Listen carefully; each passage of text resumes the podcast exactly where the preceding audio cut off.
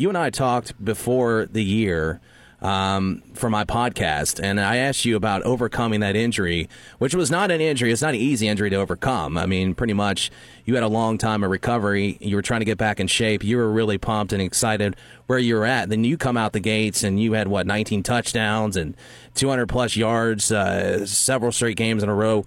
You came out pretty much like a man possessed. Would that be the right uh, kind of assumption for you? Yeah, I, I would say that. Well, uh, you win this Kennedy Award. What was your reaction? Uh, just wow. Um, you know, I never dreamed of winning the Kennedy. Uh, I didn't even think about winning the Kennedy before even this season. And, uh, I saw a little thing on uh, Twitter where I was in the running for it, and I was like, "Oh man, I can win this." Uh, just take it from there. Yeah, and then you know it's interesting because Poca three just three years ago or so you guys were trying to break this 39 game losing streak. You know, you guys were playing yeah.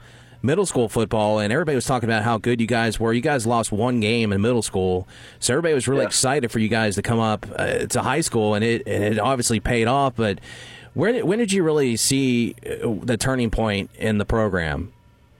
Uh, probably in my sophomore year when we played Mingo Central at home. Uh, we played uh, not really easy teams, like three easy teams, but uh, the Mingo came to town and uh, we beat them, and that's when we knew that this program was turned around. You, uh, you, you know, you win the Kennedy Award, which is uh, tremendous, but you broke that 41 year old state scoring record. Um, but you know, the guy was pretty good that you broke the record. Pineville's Curt Warner in 1978 was when that uh, that record was set, and he went on to be an All American at Penn State, All Pro for the Seahawks, the NFL. Describe that feeling of breaking those type of records, because you know getting the Kennedy Awards one thing, which is awesome, but having someone tell you, "Hey, you broke a record from 1978," and that guy went on to have a heck of a career. Kind of talk about breaking some of those records along the way.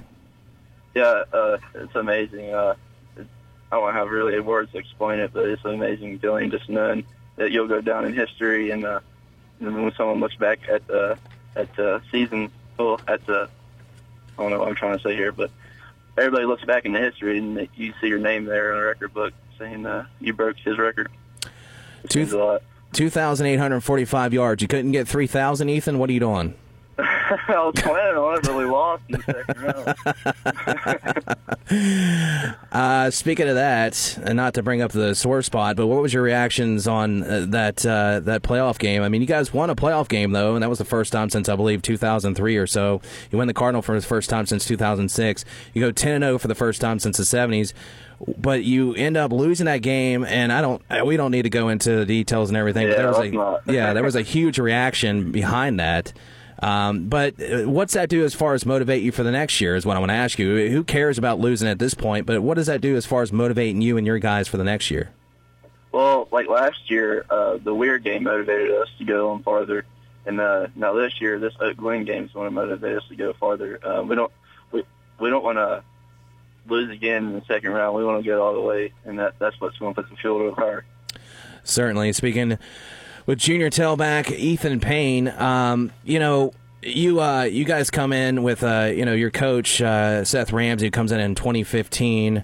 Um, you know, so he comes in, he's trying to rebrand this program. What was your initial thoughts of coach when you came in, and uh, how's your relationship really involved there at Poca?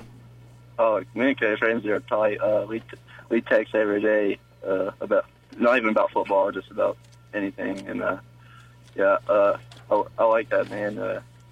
He's a, he's a great coach and a great uh, role model. You carry a 3.5 uh, grade point average, and you're also a member of the Fellowship of Christian Athletes, the Bible Club, and uh, should join that National Honor Society as well. Um, explain the importance for those kids out there, because some kids just want to play football. What's uh, why is it important for you as far as education and not just football? Well, everybody looks up to you. Uh, you don't want to have a, a low grade grade point average, and uh, when people, little kids, looking at, up at you, uh, they don't want to take, they don't want to follow your footsteps. So you got to set a good example for the kids, even high school kids. They even look up to you because you play football. So that means it means a lot. Uh, senior year's coming up. What's the off season like for you? Of course, I know you don't have an off season, but it's going to be your last year there.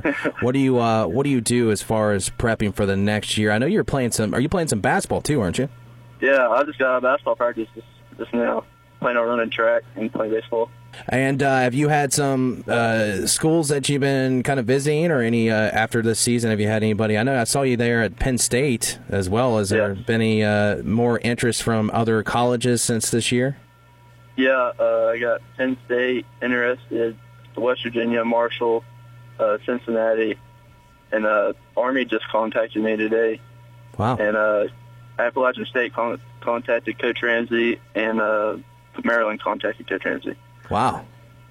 Well, uh, that is amazing, man. And uh, wherever you go, of course, we'll be rooting for you. We appreciate you taking the time to come on the show. And uh, Thanks for having me. yeah, thanks for your patience, man. And uh, Sure. I'll talk to I'll talk to you soon. And and uh, good luck next year as well. Thank you, thank you. All right, there he is, Ethan Payne,